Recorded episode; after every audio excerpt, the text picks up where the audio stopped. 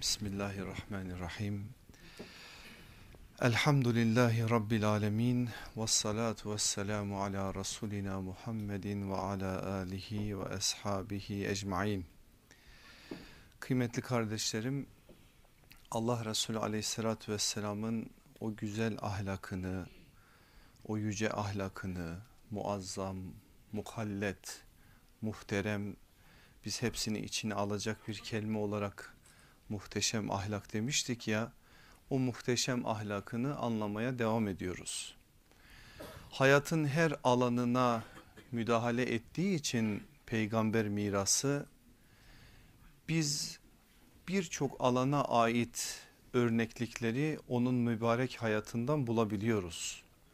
Aklınıza gelen her türlü alana ait Efendimizin dünyasında bir yönüyle örneklik, bir yönüyle sözlü anlamda müdahaleler ve bu manada şekillendiren nebevi beyanlar, bir yönüyle de sahabe üzerinden oluşturulan bir fiili misallik her an için bulabiliriz.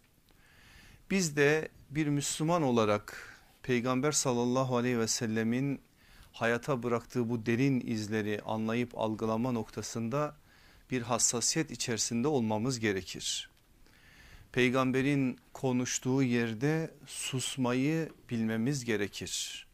Onun söz söylediği ve fiili anlamda örneklik adına bir şeyler bıraktığı yerde onun adımlarının önüne adımlar geçirmemek gerekir.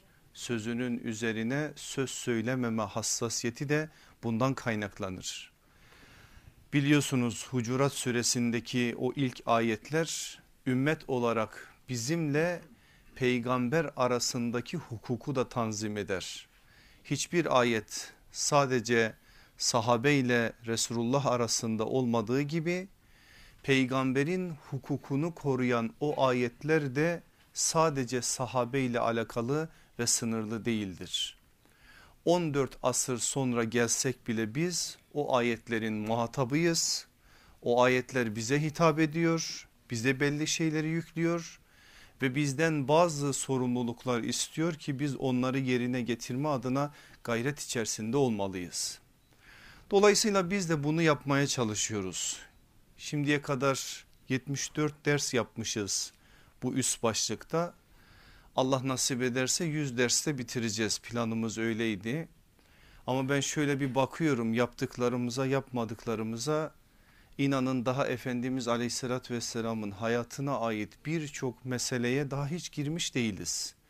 Çünkü öyle bir bereketli bir hayat ki bu manada rehberiyet o kadar güzel ve o kadar çeşitli ki aklınıza gelebilecek her alana ait o günün dünyasından bazı mesajlar alacağımız için biraz daha bu meselede farklı bir imkana işi dönüştürüp götürmek gerekiyor. İnşallah biz bu kadarla iktifa edeceğiz ama sonraki süreçte devam edeceğimiz ders silsilelerinde de eksik bıraktığımız alanları anlamaya çalışacağız. Tesettür ahlakını hatırlarsanız giyim kuşam adına bazı şeyler öğrendik orada.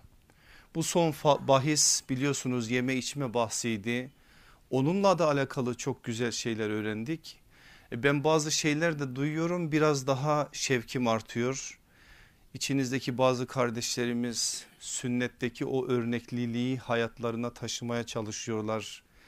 Bakıyorum ben de bazen onlar söylemese de artık tabaklar biraz azalmış.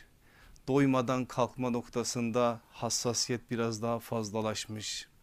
Bazı kardeşlerimiz biraz daha erkek iki öğüne düşürmüşler şimdiden Bunlar bizi şevklendiriyor. Demek ki söylediklerimiz burada kalmıyor. Bir yönüyle hayata intikal ediyor. E böyle de olması lazım. Sadece konuşup burada bırakırsak bunun bir faydası yok. İnşallah en başta ben size gerçekten yaşadıklarımı anlatabileyim. Siz de anladıklarınızı inşallah hayatlarınıza intikal edin. Ama bu uyku babında bir şeyi anlaşalım bence öyle yürüyelim bu dersimizde. Gelin bu derste hocanın dediğini yapın yaptığını sakın yapmayın.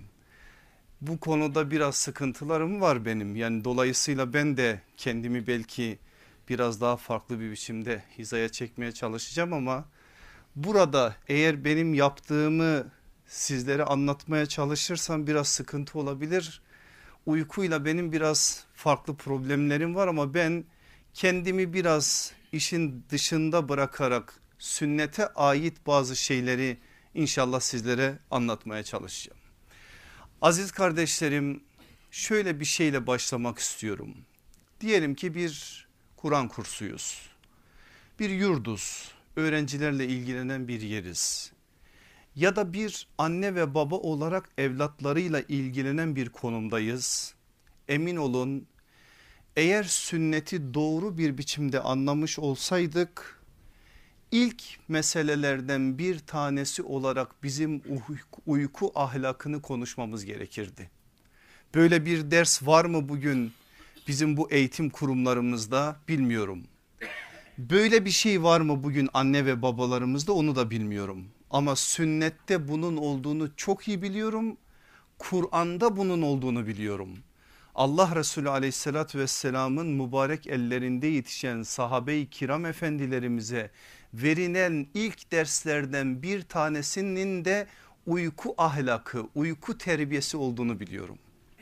Neden bu kadar önemli bu mesele? Çünkü doğru dürüst uyumayanlar doğru dürüst uyanmayacaklardır. Bu bu kadar basit.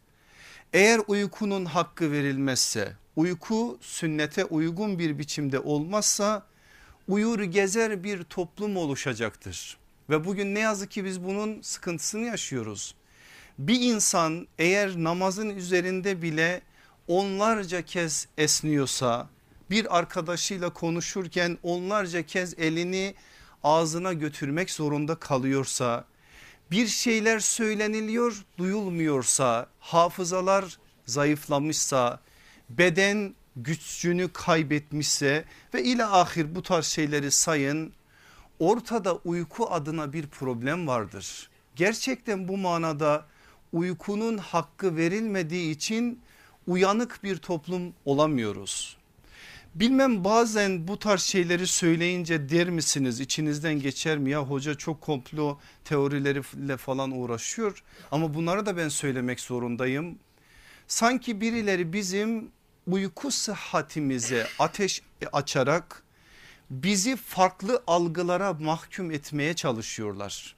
Bizi meşgul ederek bizi farklı bir biçimde başka alanlara kanalize ederek İslam toplumunu uyur gezer bir toplum haline getirmeye çalışıyorlar.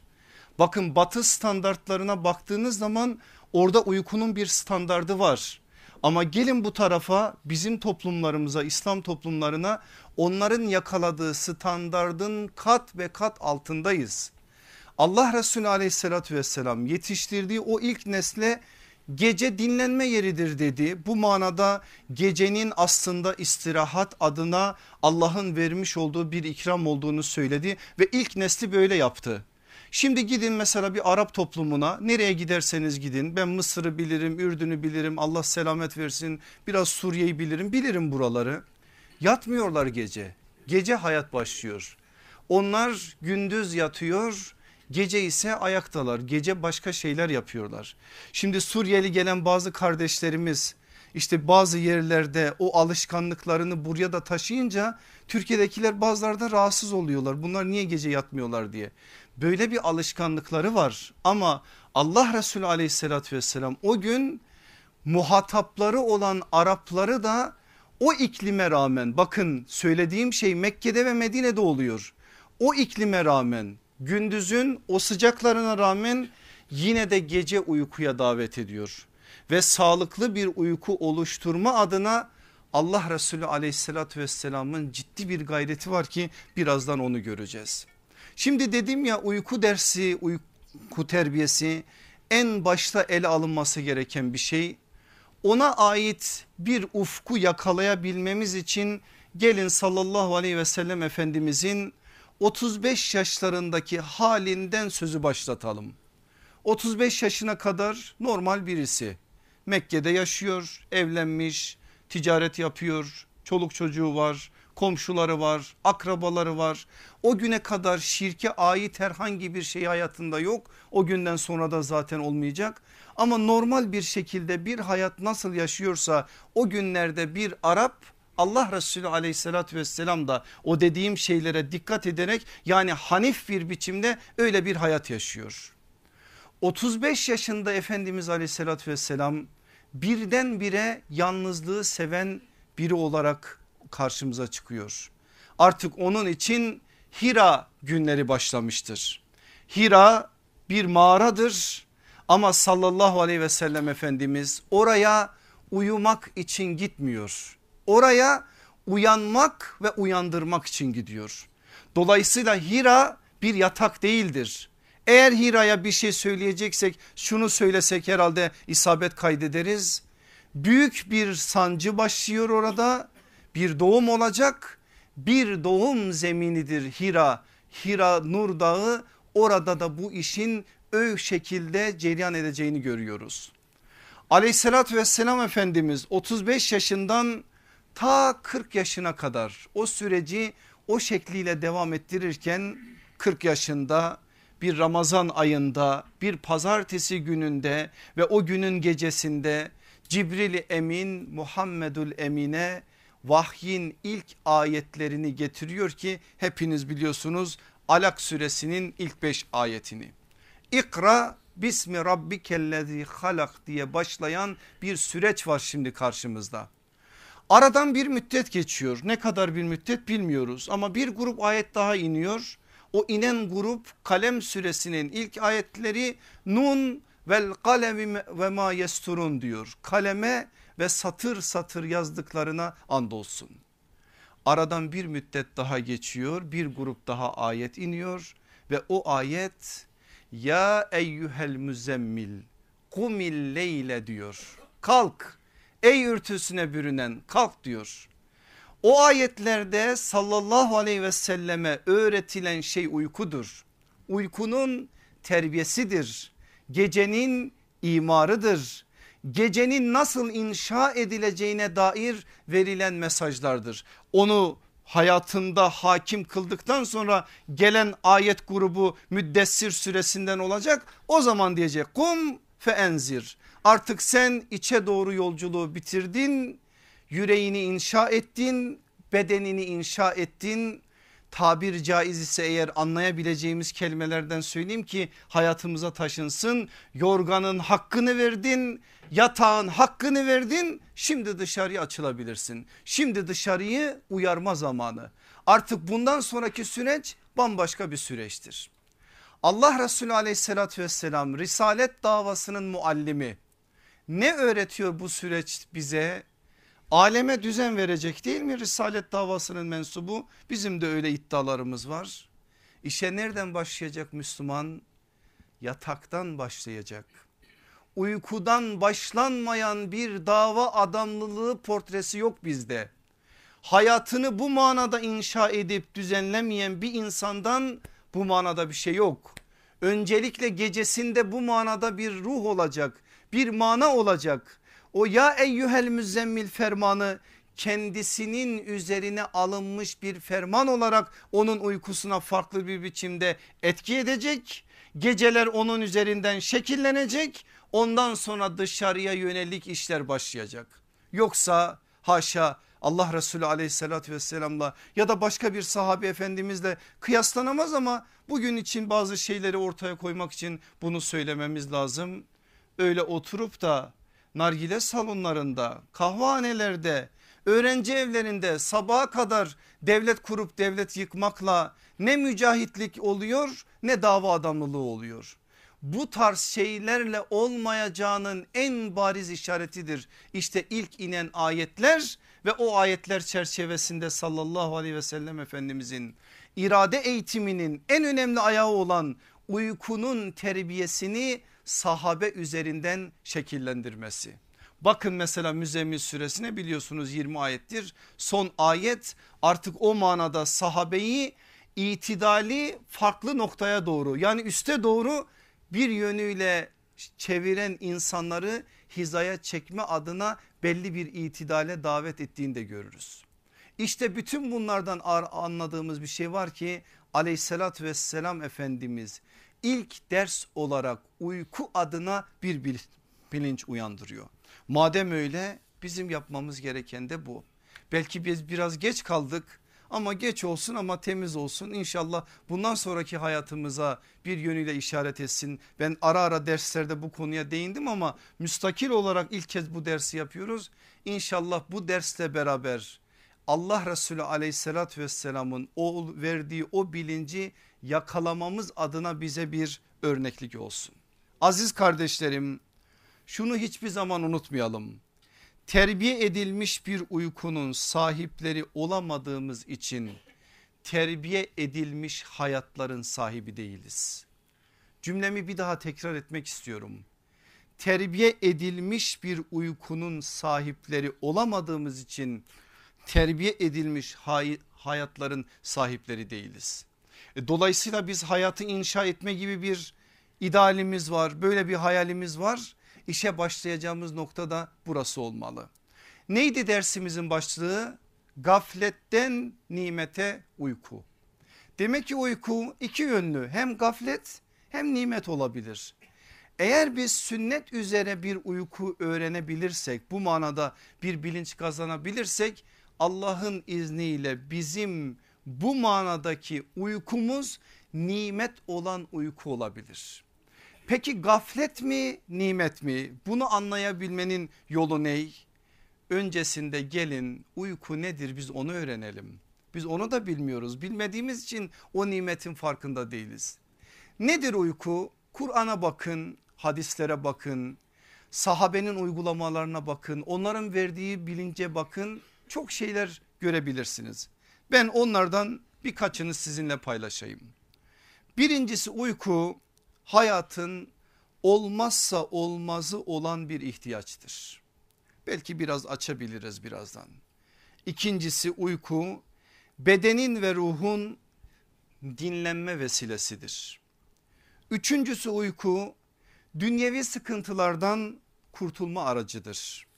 Dördüncüsü uyku her yönü ile büyük bir mucizedir. Beşincisi uyku kulluğun ve ibadetlerin yerine getirilebilmesi için en önemli azıktır.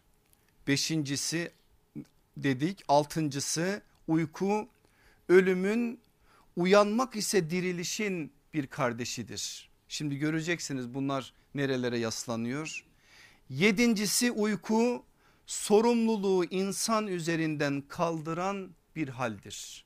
Sekizincisi uyku dünyanın azığı kabrin ve cennetin ise güzel bir hatırasıdır. Baştan bir başlayalım. Uyku hayatın olmazsa olmaz bir ihtiyacıdır. İnsan açlığa daha fazla dayanır ama uykuya fazla dayanamıyor. Mesela 24 saati geçtikten sonra vücut dengeleri başlıyor bozulmaya. Ama bir insan 7 gün 8 gün bazen daha fazla artık dayanıklılığa göre 50 gün hiçbir şey yemeden hayatını devam ettiren var. Ama 11 gün uyumadan ölenleri biliyoruz. 11 gün uyumazsa o insan artık insani fonksiyonlarını tamamen kaybediyor. Ama 11 gün boyunca uyumayan birisi 11 gün boyunca sağlıklı bir insan değil. 3 günden sonra bitmiştir hayat. Bu kadar zor bir şey ve böyle bir ihtiyacı var insanın. Görüyorsunuz trafik kazalarını. Üç tanesinden bir tanesinin sebebi uykusuzluktur. Açlıktan kaza yapanı duydunuz mu? Ama uykusuzluktan yapan çok. Ufacık bir bu manada zaafiyet insana birçok şey yaptırıyor. Dolayısıyla bu insani bir ihtiyaç. Bunu ihtiyaç olarak görmediğimiz zaman biz uykunun nimet adına da nasıl bir özelliği olduğunu tam olarak anlamamış oluruz. Ama dikkat ettiyseniz bir şey söyledim. İnsani ihtiyaç. Cenab-ı Hak için böyle bir şeyi asla biz konuşamayız. Ayetel Kürsü dediğimiz Kur'an'ın o muazzam ayeti Bakara suresinin 255. ayetinde Rabbimiz kendisini bize tanıtırken nasıl tanıtıyor? Onda uyku da yok, uyuklama da yok. La tehuzuhu sinetun ve la nevm. Onda sinetün de yok, nevm de yok. Başka bir hadiste bu ayetteki ifadeyi Efendimiz açıyor bize. Allah uyumaz onun uykuya ihtiyacı da yoktur diyor. Peki burada söylenen sinetünle nevm arasında nasıl bir fark var? Fark var. Kelimeler zaten o farkı bize söyler. Ama farkın ötesinde bir bilgi daha var ki onu söylememiz lazım. Öncelikle Kur'an uyku için sadece bu iki kelimeyi kullanmaz. Mesela Kur'an'da nüans diye bir kelime daha var. Rukat diye bir kelime daha var. Uykuyu ifade ediyor bunlar. Her birisi de uykunun farklı bir halini söylüyor. Şimdi diyelim dersin ilerleyen vakitlerinde ben sözü biraz uzatırsam eğer yavaş yavaş ne olacak? Uyku gözünüze baskı yapmaya başlayacak. Böyle yavaş yavaş gidip geleceksiniz. Aslında beni duyuyorsunuz ama gözler gidip geliyor. İşte onun adı sinetündür. Ona biz Türkçe'de de uyuklama diyoruz. Uykuyla uyanıklık arasında gidiş geliş. Nüans, nun, ayn ve sin. O ise uykunun biraz daha üst halidir. Organlar yavaş yavaş uyuşmaya başlamıştır. Ama tam derin uyku değildir o. Orada uykunun ilk basamağına geç, geçilmiştir. Mesela onu nerede kullanıyor Kur'an? Onu Bedir'de ashab-ı kiram efendilerimize Allah'ın verdiği o sükunet halinde kullanıyor. O anda sahabenin uykusu öyle bir uyku. Organlar bir yönüyle gevşemiş rahat bir hale geçmiş ama tam derin uyku değil. Derin uyku ney? Neum. Zaten en fazla da biz onu kullanıyoruz. Ama bir kelime daha var rukat o ney? Uzun uyku. Ashab-ı kefin uykusu rukat kelimesiyle ifadesini buluyor. Mesela bizde de kullanılır çok da güzeldir o. Merkat deriz mesela bazı yerlerdeki türbelere büyük zatların mezarlarına. Merkat uyuma yeridir uyku yeri ismi mekan anlamında. Orada uzun uyku olduğu için o kelime orada kullanılır. İşte bunlar da Kur'an'da bu manada meseleyi bize öğretebilen öğretecek öğreten kelimeler. Tabi buradan en önemli şeyi şunu öğreniyoruz bu bir insani ihtiyaç olmazsa olmazı eğer bu olmazsa hayatında sağlıklı bir biçimde olması mümkün değil. İkincisi uyku bedenin ve ruhun dinlenme vesilesidir. Bakın Furkan suresinin 47. ayetine bunu göre, göreceksiniz. Nebe suresinin 9. ayetine bakın bunu göreceksiniz. Gece bizim için libas e, evet gece bizim için libas uyku ise bizim için istirahat yani dinlenme fırsatı. Bunu Kur'an bize söylerken aslında uykunun istirahat için dinlenme için ne kadar önemli bir şey olduğunu söylüyor. Üçüncüsü uyku dünyevi sıkıntılardan kurtulma aracıdır. Sıkıntılar var bir sürü problem dert e gece gidiyorsunuz eğer iyi bir kafayı bulduysanız çektiyseniz kafayı yorgana geçirdiyseniz başınızı birkaç saatlik o güzel uyku o manada dertlerin tasaların tamamen gitmesine vesile oluyor. Nimet değil mi?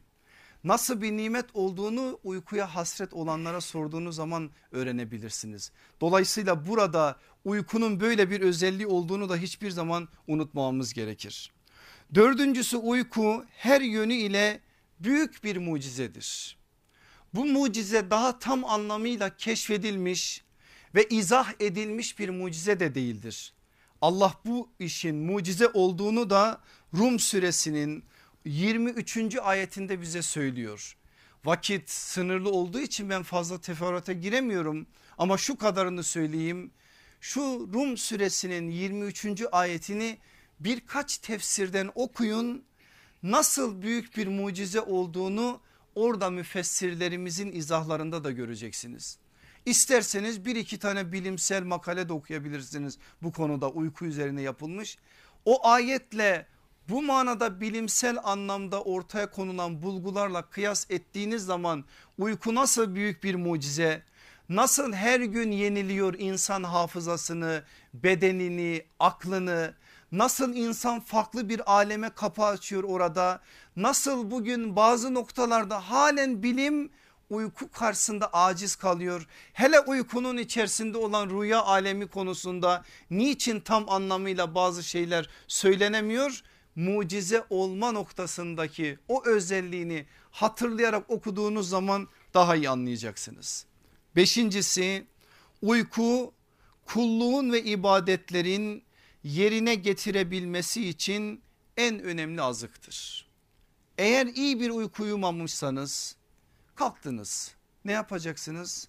Sabah namazı kılacaksınız. E o sabah namazından bir lezzet alınabilir mi?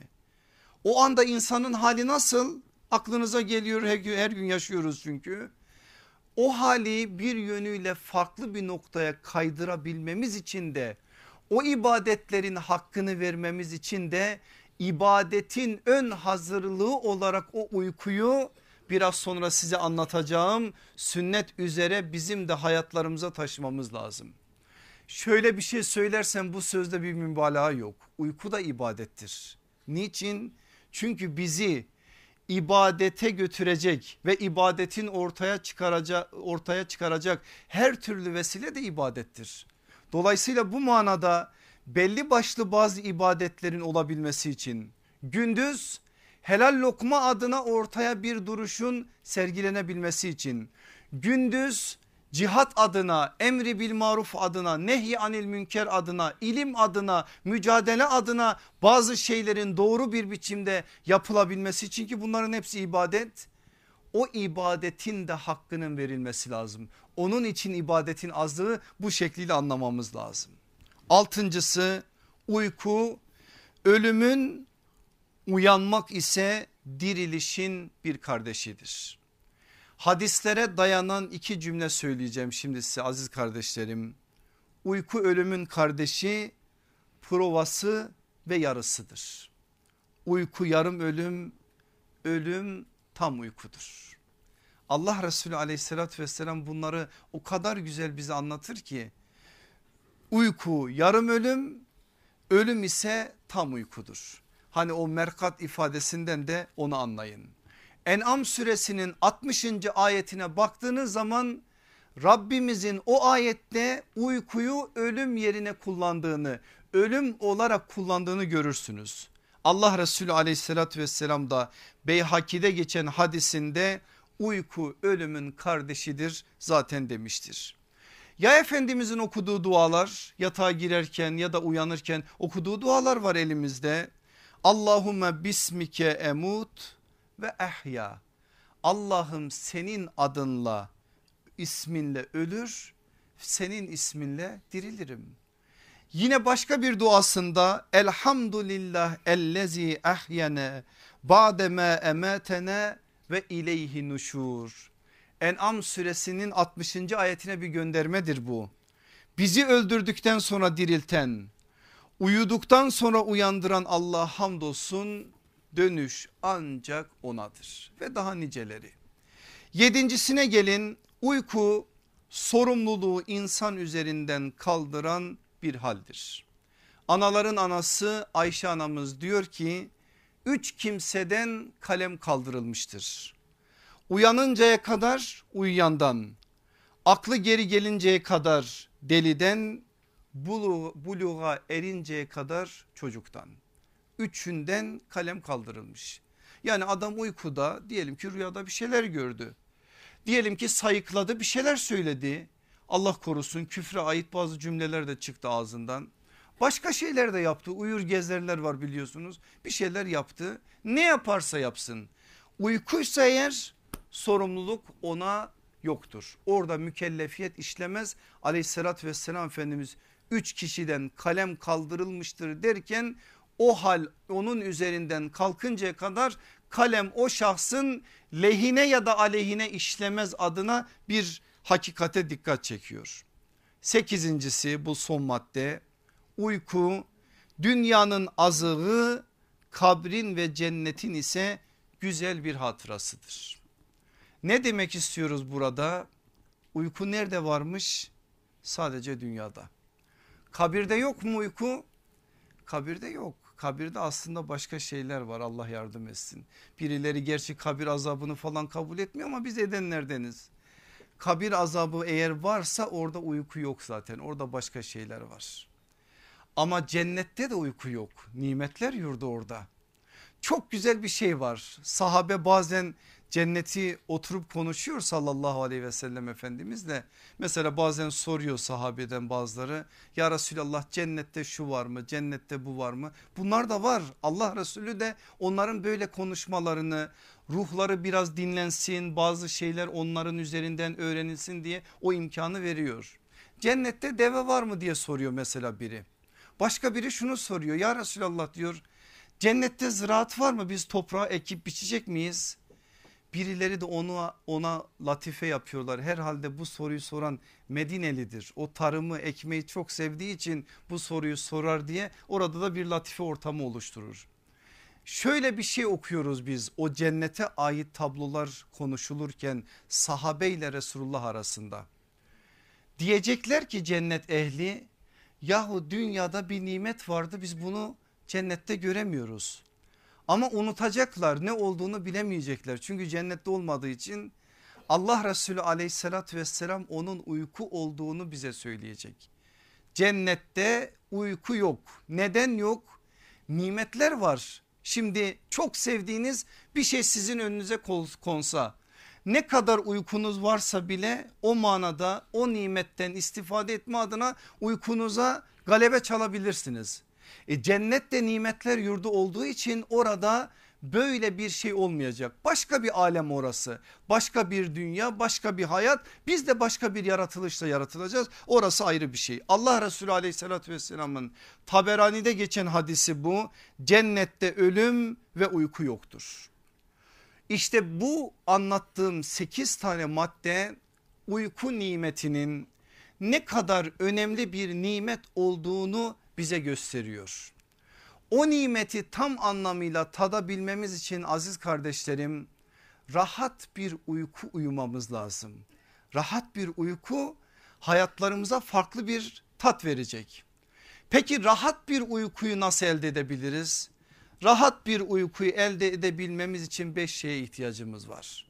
Beş tane rahat kelime söyleyeceğim ki aklınızda rahat dursun rahata erebilme adına bunlara ihtiyacımız var çünkü. Bir rahat vicdan. iki rahat mide.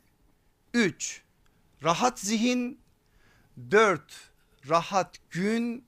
Beş yata, rahat yatak. Beş şey olursa rahat uykuda olur. Birincisi neydi? Rahat vicdan. Vicdan seni bu manada zorlamayacak kimseye haksızlık etmeyeceksin, haram yemeyeceksin, insanların kalbini kırmayacaksın, zulmetmeyeceksin. Akşam yatağa başını koyduğun zaman vicdanın seni zorlamayacak. Ha daha da tehlikelisi var. Eğer vicdanın ölmüşse zaten sen de ölmüşsün. Eğer bir şeyler yapıyorsun ve başlı, başını yastığa koymana rağmen bir şeyler seni rahatsız etmiyorsa sen zaten ölmüşsün. Ama seni rahatsız ediyorsa vicdanını rahatlatacak bir hayatın sahibi olmalısın ki akşam yastığa başını koyduğun anda bu manada bir sıkıntın olmasın. Bugün bazen bazı insanlar eğer geceleri o rahat uykuya varamıyorlarsa aslında gündüz o yaptıkları sıkıntılardandır. Dolayısıyla rahat uygun, uy, uykunun en önemli şeyi rahat vicdan. İkincisi neydi? Rahat mide. Ne dedi sallallahu aleyhi ve sellem Efendimiz? Midelerinizin üçe ayırın dedi. Üçte biri boş kalsın dedi. Uykuyla yemek arasına en az 3 saat 4 saat fasıla koyun dedi. Kendisi de onu yaptı.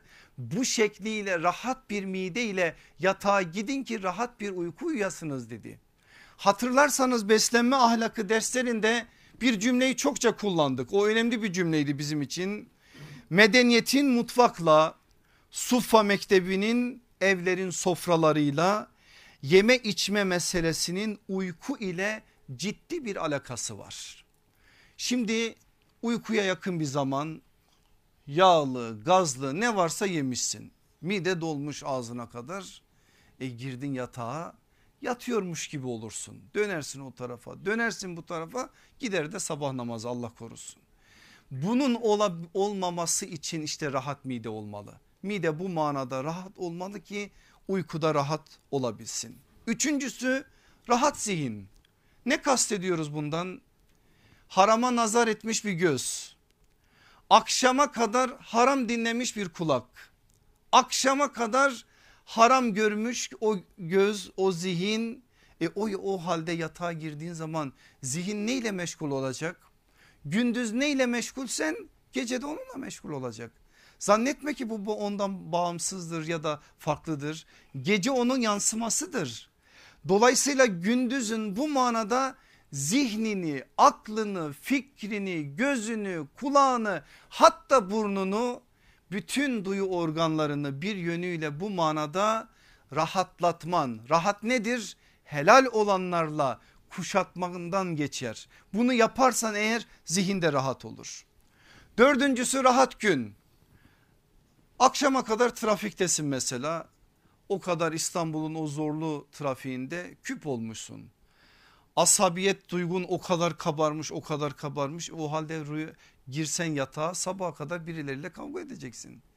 Rahat gün onda da biraz daha huydu biraz daha sükunet biraz daha bu manada farklı bir rahatlık gerekir ki gece de olsun. Tabi bunları söylemek kolay uygulamak ne kadar kolay onu bilmem ama ben söyleyeyim de Allah inşallah hepimize bu manada yapabilmeyi nasip etsin. Beşincisi de rahat yataktır. Vücudun bedenin rahatı algılayabileceği şekliyle olmalı. İlle de bu kuş tüyü yataklardan olması gerekmez. Sen kendi bedenini farklı bir biçimde alıştırmışsan üstün yağmur olur altın çamur olur ama gönlün hoş sefa olur. Bu manada bir şeyi sen bedenine eğer uygulatmışsan bu odur. Bir yönüyle uykuyu rahata erdirebilecek bir zemin buna gerekli. Bunlar olursa rahat uyku olur. Peki şimdi gelelim asıl dersimize. Şimdi daha yeni başlayacağız. Allah Resulü aleyhissalatü vesselam rahat uyku noktasında gerçekten bunu elde edebilmemiz için hem kendi uygulamalarının üzerinden hem de sahabeye söylediklerinin üzerinden biz uyku ahlakına ait uyku adabına ait temel ilkeleri çıkarabilir miyiz? Çıkarabiliriz. Ben bu konuda size 6 tane cümle vermek istiyorum. Cümleleri ben özellikle formüle ettim ki aklınızda iyi dursun. Ama altlarını Efendimizin çeşitli beyanlarıyla dolduracağız.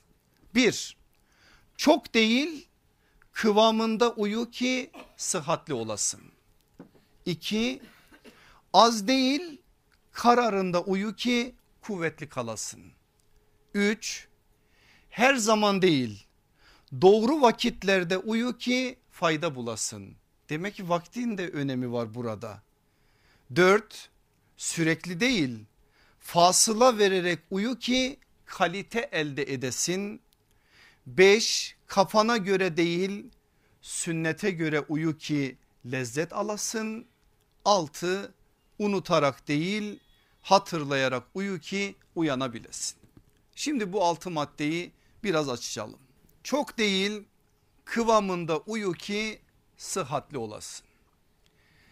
Aleyhissalatü vesselam Efendimizin saat itibariyle kaç saat uyuduğunu tespit edebiliyoruz. Şimdi ben saat üzerinden konuşunca bazı kardeşlerimiz şöyle itiraz ediyor diyorlar ki hocam sanki o zaman saat mi vardı ki? Evet saat yoktu ama ben anlaşılsın diye saat söylüyorum. Siz anlayın artık.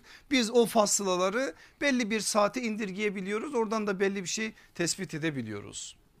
Ama Efendimiz aleyhissalatü vesselam kendinin bu manada yaptığını sahabeden istemiyor. Kesinlikle burada kıvamında bir uykuyu ashabı kiram efendilerimizden istiyor. Kendisi de fırsat buldukça bunu yapıyor. Aleyhissalatü vesselam efendimizin bir vakit tayini yok. Yani 8 saat uyuyun diye bir şey söylemiyor peygamberimiz. Ya da 5 saat uyuyun 4 saat uyuyun böyle bir saat tayini yok. Çünkü bunun saatla da alakası yok. Bu önemli bir şey gözden kaçırdığımız için bazen yanlış yerlere gidiyor iş. Ve bazen de iyilik yapacağız diye aslında kötülük yapıyoruz. Bazen de bunu yapmadığımız için morallerimiz bozuluyor. Başka şeyler bu sefer arıza olarak ortaya çıkıyor. uykunun sıhhatli olabilmesi için iki şeye ihtiyaç var. Yani bu kıvamında uyku budur. Bünye ile alakalı bir durum var. Bünyenin alıştırılması gerekiyor. Terbiye ile alakalı bir durum var. Tedricen o terbiye varmak gerekiyor. Duydun ki Allah Resulü aleyhissalatü vesselam gece namazına ait çok övücü şeyler söylemiş. Ben de biraz sonra söyleyeceğim birkaç tanesini. Hemen heyecana kapıldın tamam dedim ben bu gece yapacağım. Kalktın gecenin üçte ikilik bir kısmında başladın namaz kılmaya yarım saat 45 dakika bir saat neyse. Yarın ertesi günde çok farklı işlerin var senin. Bir yerde çalışıyorsun, öğrencisin, başka alanlardasın, doktorsun, esnafsın, şusun busun. Bu manada vücudu alıştırmadan birdenbire böyle bir şey yaptığın anda ertesi gün arızalar çıkacak ve bu süreklilik arz etmeyecek. Aslında Allah Resulü aleyhissalatü vesselamın uyku terbiyesinde her şeyde olduğu gibi inanılmaz derecede bir tedricilik var. Ve bu bünye ile alakalı olduğu için Efendimiz herkesten her şeyi de beklemiyor. Mesela sahabe efendilerimiz içerisinde de uykuyu çok sevenler var. Efendimiz onlara o uyku terbiyesine ait bazı işler veriyor. Bir isim söyleyeceğim hemen hatırlayacaksınız. Safvan İbni Muattal radıyallahu an. Uykuyu acayip seven birisi. O kabile hep uykuyu sever. Nasıl terbiye etti Efendimiz onu? Geride bıraktı. Ordunun artçısı kıldı. Dedi ki ona yat ne zaman uyanırsan arkamızı toplar gelirsin. Bir görev verdi sallallahu aleyhi ve sellem. Yani onu da orada istihdam ederek bu manada farklı bir biçimde terbiye tabi tuttu. Abdullah İbni Ömer işin başında gece namazı kılmıyordu. Efendimiz aleyhissalatü vesselam ona bu manada bazı teşviklerde bulundu. Bilinç uyandırdı, hedef belirledi. Adım adım adım adım Abdullah İbni Ömer'e bu manada farklı bir seviye kazandırdı. Dolayısıyla kıvam meselesi önemli bir mesele ve bu kıvama bazıları 8 saatte erebilir. Bazıları 5 saatte erebilir. Bazıları 6 saatte erebilir. Bazıları 7 saatte erebilir. Bakın özellikle bu rakamları söyledim. Bunun üstü ve altı yok aziz kardeşlerim. 9 saatte uykuya da kıvama erilmez. 8'den yukarısı artık hastalıktır. Ve bu hastalık sadece tembellik, uyuşukluk, affedersiniz pısırıklık değil. Bu şu anda bildiğimiz bedensel hastalıklara da sebebiyet veriyor. 8 saatten fazlası. 4 saatten azı hatta 5 saatten azı da aynı şekilde uykusuzluk olunca bu manada bazı şeyler oluyor. Dolayısıyla bu manada 5 ile 8 arasında bir şey olmalı.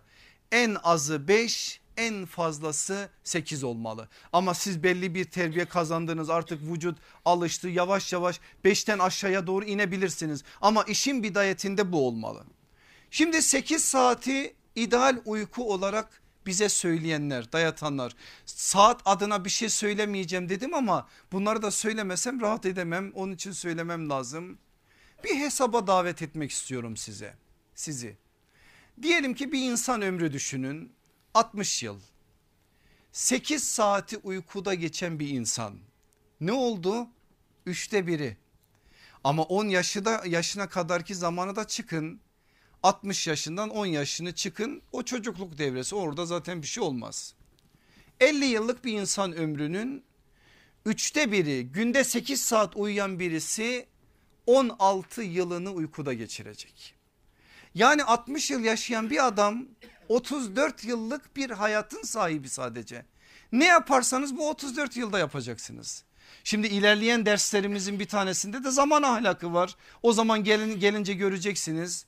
Şimdi biz zamanı tanzim etmezsek eğer bir de 8 saat uyuyorsak anamız halimize ağlasın. 34 yıllık bir ömürde ne yapabiliriz? Ama biz terbiye ettik yavaş yavaş bu manada bazı şeylere dikkat ederek o kıvamın da hakkını ödeyerek 3 saati oradan aldık.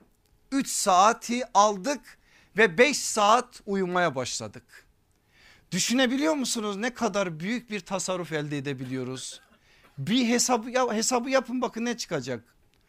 Yaklaşık 3 saat günde az uyursak yani günde 5 saat uyursak 8 saat uykuya ayırdığımız o zaman dilimi içerisinden tam 6 yıl 2 ay bir zaman tasarruf etmiş oluyoruz. 6 yıl 2 ay. Şimdi ben susayım siz konuşun. 6 yıl 2 ayda adam hafız olur mu? Vallahi olur. Alim olur mu? Olur. Yani en azından ilim adına ciddi bir mesafe kat edebilir 6 yılını ilme ayırırsa eğer. Kitap okusa 6 yıl içerisinde yüzlerce kitap okur mu? Okur. Yüzlerce iş yapar mı? Yapar. Yani biz yataklarımızdan 3 saati o kıvam adına bedenimizde belli bir terbiye uygulayarak aldığımız anda 6 yıl ömrümüz uzanıyor. Ne kadarsa artık ömrümüz biz 60 yıl için konuştuk. Eğer 70 yılsa bu daha da uzayacak. 80 yılsa bu daha fazla uzayacak. Ama böyle bir ömür sermayemizi arttırmış oluyoruz. Dolayısıyla burada Allah Resulü aleyhissalatü vesselamın uyarılarını da dikkate alarak zaman konusunda uykuya ayıracağımız zamanı ciddi bir biçimde ne yapmamız lazım? Tanzim etmemiz lazım. Hatırlar mısınız evvelki dersimizin sonunda size bir hadis verdim. Abdullah İbni Abbas'ın naklettiği bir hadis. Allah Resulü aleyhissalatü vesselam ne dedi? Ümmetim hakkında en çok şu hususlardan korkuyorum. Şişmanlık, uykuya düşkünlük, tembellik ve iman zafiyeti. Dört şeyden Efendimiz korkuyor. Dördü de bizde var Allah bizleri ıslah etsin.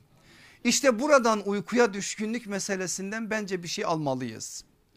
İbni Mace'de Efendimizin Hazreti Süleyman'ın annesinin üzerinden bize naklettiği bir söz var. Diyor ki aleyhissalatü vesselam Efendimiz Hazreti Süleyman'ın annesi Hazreti Süleyman'a dedi ki evladım dikkat edin cümleye geceleyin fazla uyuma zira geceleyin fazla uyku kişiyi kıyamet günü fakir bırakır.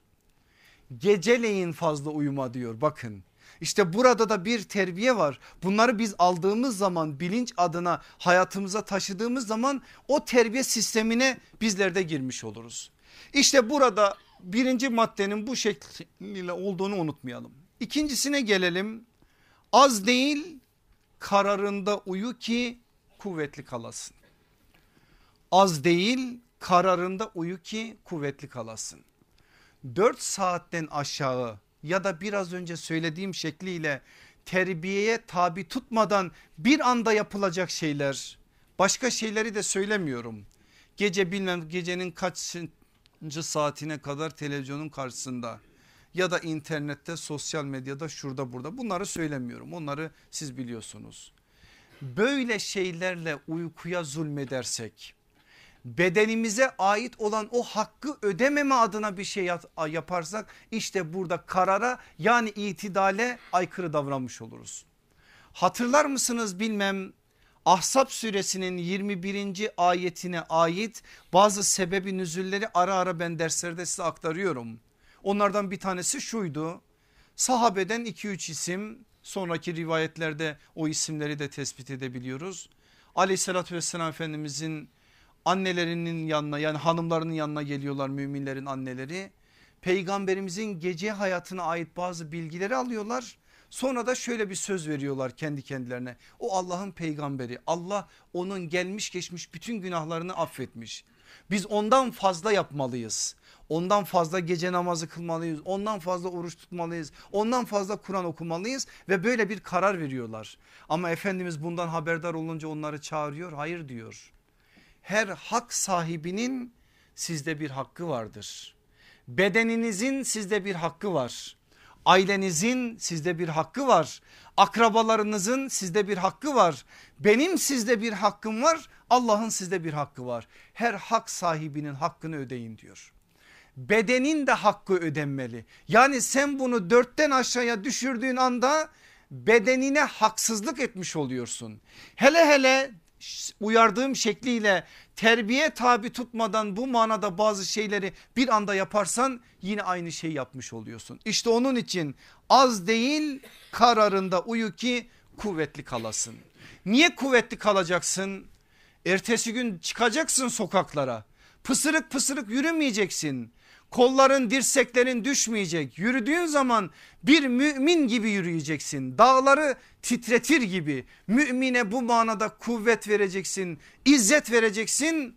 Kafirlere de korku salacaksın. Mümin böyle yürür. İşte öyle mümini seviyor zaten Cenab-ı Hak. Zayıf, pısırık, pinti bir mümini sevmiyor. Güçlü, kuvvetli bir mümini seviyor Rabbimiz. E onu sağlayabilmemiz için ne yapmamız lazım? Gecenin bu manada hakkını vermemiz lazım. Az değil kararında uyku. Üçüncüsü her zaman değil. Doğru vakitlerde uyu ki fayda bulasın. Demek ki uykunun zamanı itibariyle bir problemimiz var bizim. Bakalım sünnete, sünnete baktığımız zaman morallerimiz bozulacak. Allah Resulü aleyhissalatü vesselam yatsıdan sonra yatın diyor. Yatsıdan sonra fazlaca dünya kelamı etmeyin diyor. Yatsıdan sonra uykuyla araya fazla fasıla koymayın diyor. Evet şu bilgiyi verelim ki yanlış anlaşılmasın. Aleyhissalatü vesselam Efendimiz çoğu zaman yatsı namazını biraz geciktirerek kılardı. Geciktirerek kılar ondan sonra da dünya kelamı etmeden bazen ettiği de olurdu ama çoğu zaman etmeden yatar o manada o fasılayı uykuyla değerlendirirdi. Yani aleyhissalatü vesselam Efendimiz eğer gece iki saat iki buçuk saat Rabbi ile baş başa kalma adına bazı şeyleri okuyorsak bu saat 12'de 1'de yatan bir insanın yapabileceği bir şey değil. Bugünün saatiyle konuşalım şu saat mesela 9 9 buçuk bilemediniz 10. 10 gibi bir saatte yatan bir insan gece kalkar dinç kalkar daha farklı bir biçimde olur. O manada belli şekillerde gecesini de imar edebilir. E bir de yatan adam nasıl kalksın Allah aşkına? 12'de yatan bir insanın gece namazına kalkması mucize. Hele bir o, o adam bir de sabah namazına kalkıp uyumuyorsa ki şimdi ona ait de bir şeyler söyleyeceğiz. Bu tarz şeylere dikkat ettiğimiz zaman yatsı namazıyla uyku arasındaki fasılayı uzatmama adına bir mesaj alıyoruz. Ne diyor hadis kaynakları bize sahabe veriyor bu bilgiyi. Resulullah sallallahu aleyhi ve sellem yatsıdan önce uyumayı yatsıdan sonra da konuşmayı hoş görmezdi. Bakın yatsıdan önce uyumayı da Efendimiz ne yapıyor? Hoş görmüyor. Abdullah İbni Mesud da şunu söylüyor. Bu bir gün sahabeye uyarılmış bir söz. Resulullah sallallahu aleyhi ve sellem bize yatsı namazından sonra gece sohbetlerini yasakladı. Uzun uzun oturup devlet kurup devlet yıkmanın faydasının olmadığını sahabeye de Allah Resulü aleyhissalatü vesselam söylemiş oldu. Kaldı ki sahabe haşa asla boş boş konuşmaz ama buna rağmen onları bile eğer bundan men ediyorsa siz bizim hayatlarımızın ne olduğunu artık gelin bakın. Şimdi bir söz aktaracağım size ama sözü aktaran sahabe efendimiz için birkaç şey söylemem lazım. Havvat İbni Cübeyr radıyallahu an büyük bir sahabidir. Genç delikanlı Allah Resulü'nün terbiyesinde yetişmiş birisidir. Efendimiz onun üzerinden birkaç hakikatin bize ulaşmasını sağlamıştır. Uhud'da şehit olan okçular tepesindeki oradaki 50 okçunun da komutanı Abdullah İbni Cübeyr onun abisidir. Öyle de bir yakınlığı olduğunu da söyleyeyim. Bir gün Efendimiz'de bir sefere katılıyor. O sefer fetih ordularının hareket ettiği seferdir. Yani Mekke fethine giden ordular içerisindedir. Kendisi Zeyd bin Erkam'a anlatmış. Zeyd bin Erkam da bize anlatıyor. Böyle bir rivayet üzerinden Resulullah'ın sahabeyle nasıl bir ilişki kurduğunu onların hayatında var olan bazı hadiseleri nasıl terbiye ettiğini de anlayacağız. Ondan sonra da Havvat İbni Cübeyr'in söylediği sözü söyleyeceğim. Diyor ki baktım ki bazı kadınlar oturuyor orada hoşlandım onlardan gittim çadıra güzel elbiselerimi giydim saçlarımı taradım o hanımların olduğu yere doğru yürüdüm. Tam ben oraya oturmuşken Baktım aleyhissalatü vesselam Efendimiz çıkmış geliyor. Efendimizin geldiğini görünce elim ayağım birbirine karıştı. Koştum Resulullah'ın huzuruna o sormadan ben söyledim. Ya Resulallah dedim devem huysuzlaştı, huysuzlaştı kaçtı onu arıyordum diyor. Hiçbir şey demedi diyor. O yürüdü ben de arkasından yürüdüm. Epey uzaklaştı Gitti abdestini aldı geldi. Şöyle sakalının üzerinden o mübarek sakalından kurban olalım onun her bir teline. Böyle sular dökülürken bana döndü dedi ki Abdullah ey Allah'ın kulu anlamında. Abdullah devenin huysuzluğu geçti mi? Meğer anlamış Resulullah benim ne yapmak istediğimi. Utandım, sıkıldım, hiçbir şey demedim. Yürüyoruz fethi orduları yürüyor. Nerede beni görse ey Abdullah devenin huysuzluğu geçti mi diyor. Fetih bitti dönüyor döndük geldik dönüş yolunda yine aynı şeyler. Geldik Medine'ye ne zaman görse aynı şeyi soruyor. Baktım bir gün Resulullah geliyor ben de Mescid-i Nebevi'deyim. Hemen dedim namaza durayım ki o soruyu bana sormasın. Namaza durdum Allah Resulü aleyhissalatü vesselam da geldi yanı başımda durdu. Namazı ben uzatıyorum ki Resulullah gitsin. Ama Efendimiz orada oturuyor. Döndü dedi ki bana ey Abdullah istediğin kadar uzat ben buradayım dedi. Ben namazımı bitirdim döndüm Resulullah'a dedim ki ya Resulallah vallahi Müslüman olduğum günden beri o deve hiç kaçmadı. Açtı ellerini iffetim için bana hayır dualarında bulundu. Sahabe bu Allah Resulü'nün onları terbiye etme yöntemi de bu. İşte o Havvat sonraki hayatına baktığınız zaman radıyallahu an nasıl terbiye olduğunu nasıl bir iffet kahramanı olduğunu nasıl belli noktalara geldiğini görüyorsunuz. Onun aktardığı bir söz sünnette uykunun ne demek olduğunu özellikle vakit itibariyle bize veriyor. Ne diyor biliyor musunuz Havvat İbni Cübeyr?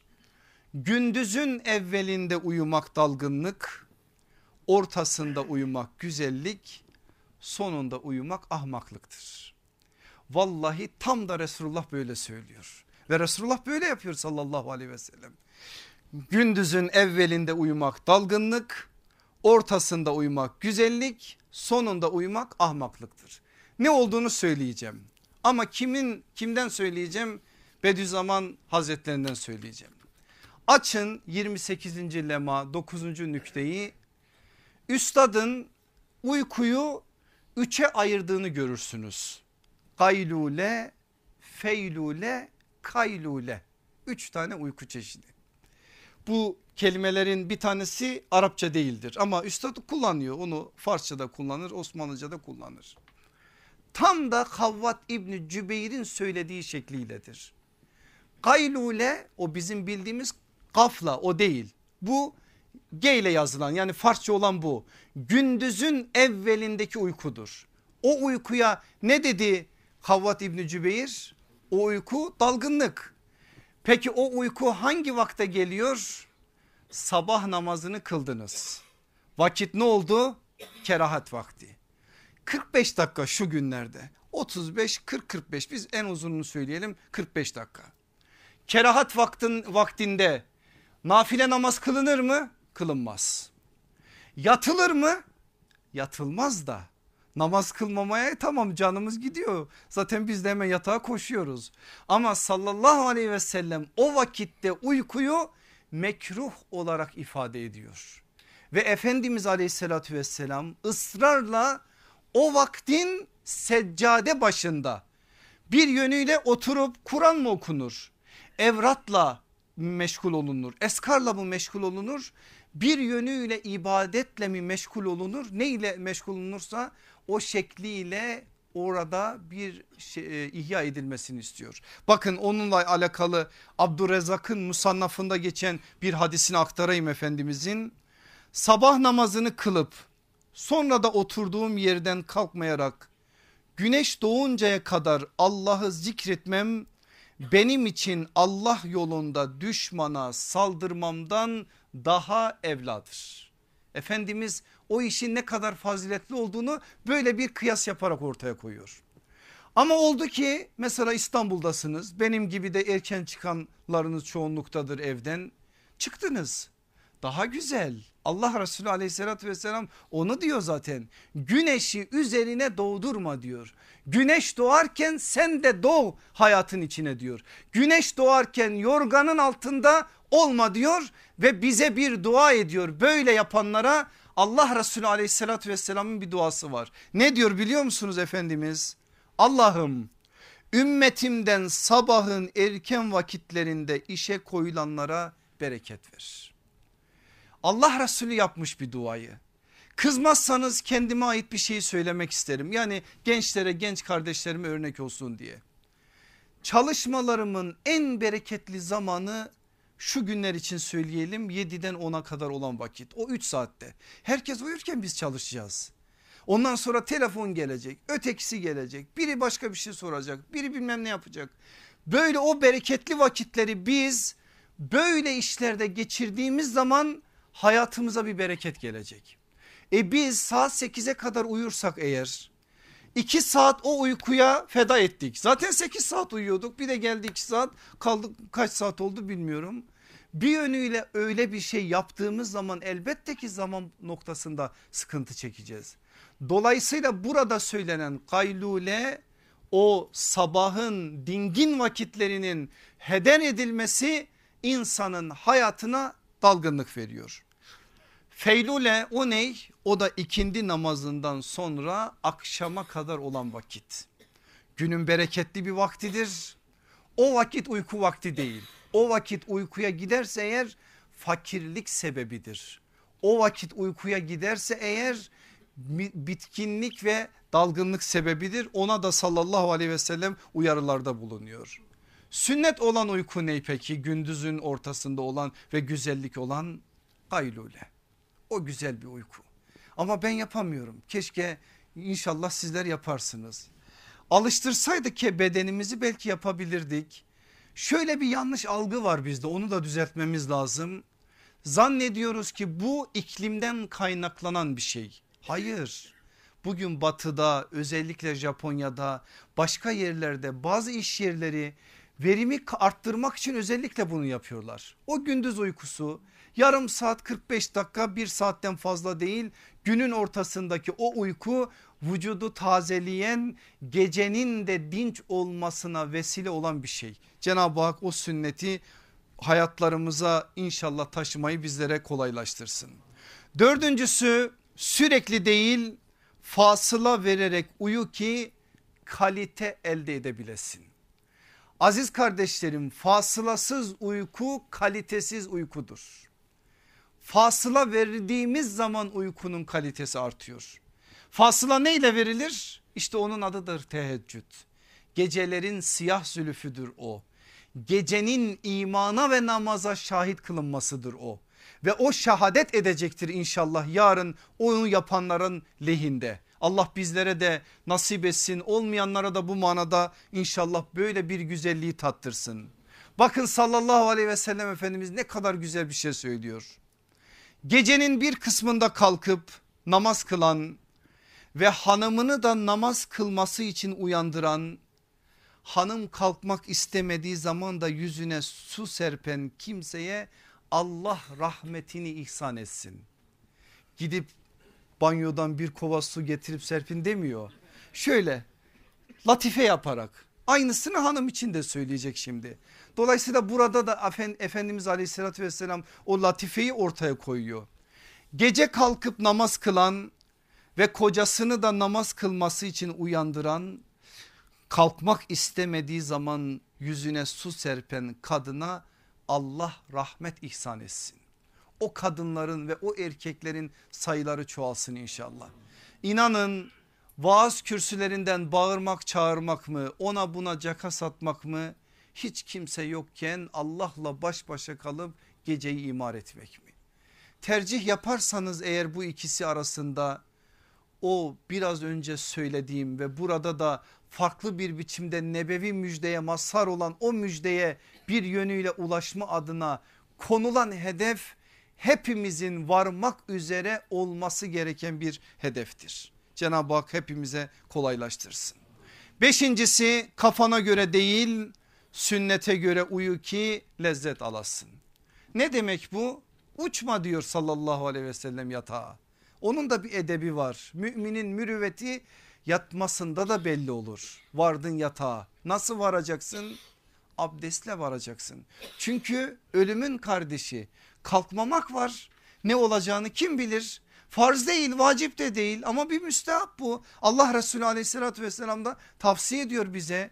Yattın her türlü değil sağına yatacaksın. kıbleye asla ayak uzatmayacaksın. Baş koyacaksın kıbleye. Bunlar İslam'ın edebidir, ahlakıdır. Uykunun adabına ait Resulullah'ın söylediği şeylerdir. Sağına yatacaksın, sağ elini de böyle yanağının altına koyacaksın. Dizlerini de kendine doğru çekeceksin. Ona uyuduktan sonra ne halin varsa gör zaten onu tutturmak mümkün değil ama o halde başlayacaksın. O halde başlarsan eğer farklı bir lezzet alacaksın. Sonra geldin yatağa daha iş bitmedi. Şöyle ellerini birleştireceksin. Başlayacaksın Kur'an'ın son sayfasını okumaya.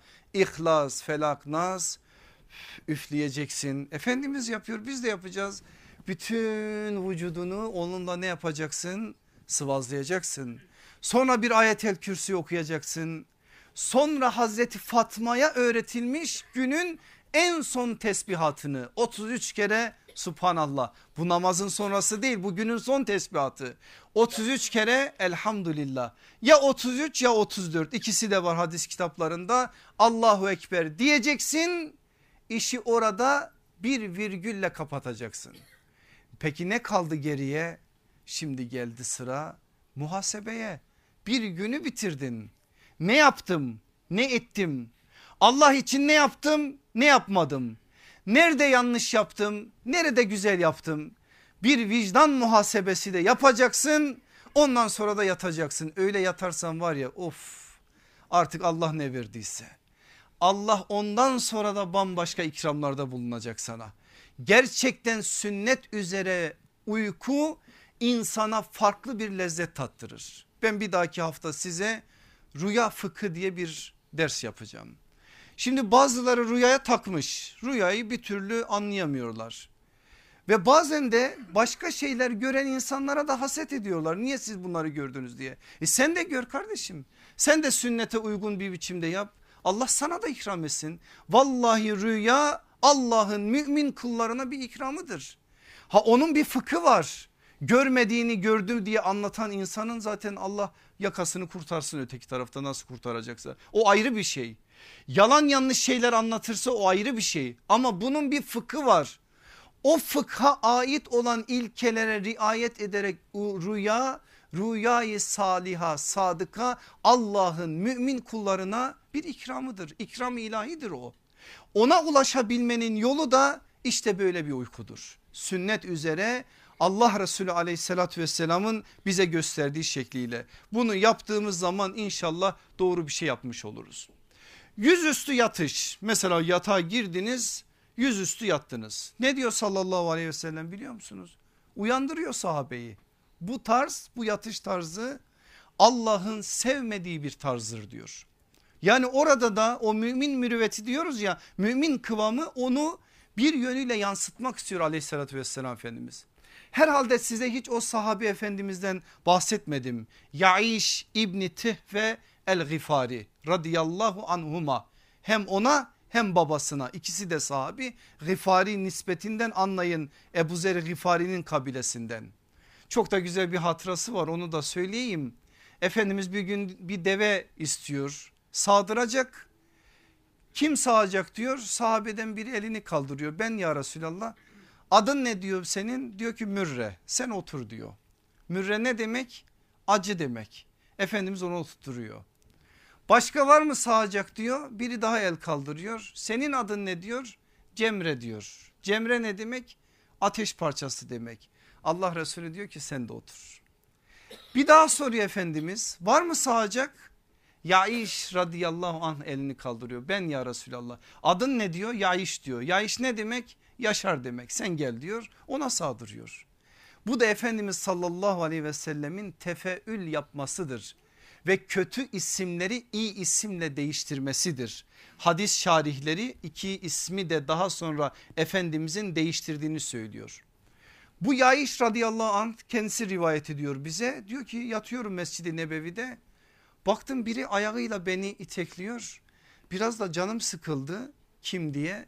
Kalk öyle yatma diye beni uyardı. Bir başımı kaldırdım ki Allah Resulü aleyhissalatü vesselam. Ve orada Efendimiz aleyhissalatü vesselam ilk yatmanın sağa doğru yatmak olduğunu ve bu manada biraz önce size tarif ettiğim şekliyle olması gerektiğini söylüyor. o yatış şeklinden Allah'ın razı olmadır, olmadığını söylüyor. Dolayısıyla burada da buna dikkat ederek eğer başlatırsak uykuyu inşallah bir yönüyle bazı şeyler bizim hayatımıza da intikal etmiş olur. Altıncı maddeyi de söyleyeyim bitireyim. Unutarak değil hatırlayarak uyu ki uyanabilesin. Ne demek bu? 10 tane saat kursan saatlerde böyle gümbür gümbür çalsa 5. kattaki komşu uyansa sen yine uyanamayabilirsin. Neden? Kalbini de kurmalısın. Akşam yattığın anda gece namazıysa gece namazı sabah namazıysa sabah namazı bir yönüyle kurmalısın kendi kendinle konuşmalısın Neyse artık ismin Ahmet, Mehmet, Muhammed Emin. Bak sabah namazı kalkmazsan sabaha kadar başını duvarlara vuracaksın. Kalkmazsan eğer dünya ve dünyanın içindekilerin her şeyinden mahrum olacaksın. Kalkmazsan eğer günün bereketinden mahrum olacaksın. Kuracaksın kendini. Bu manada bazı şeylere hazırlayacaksın.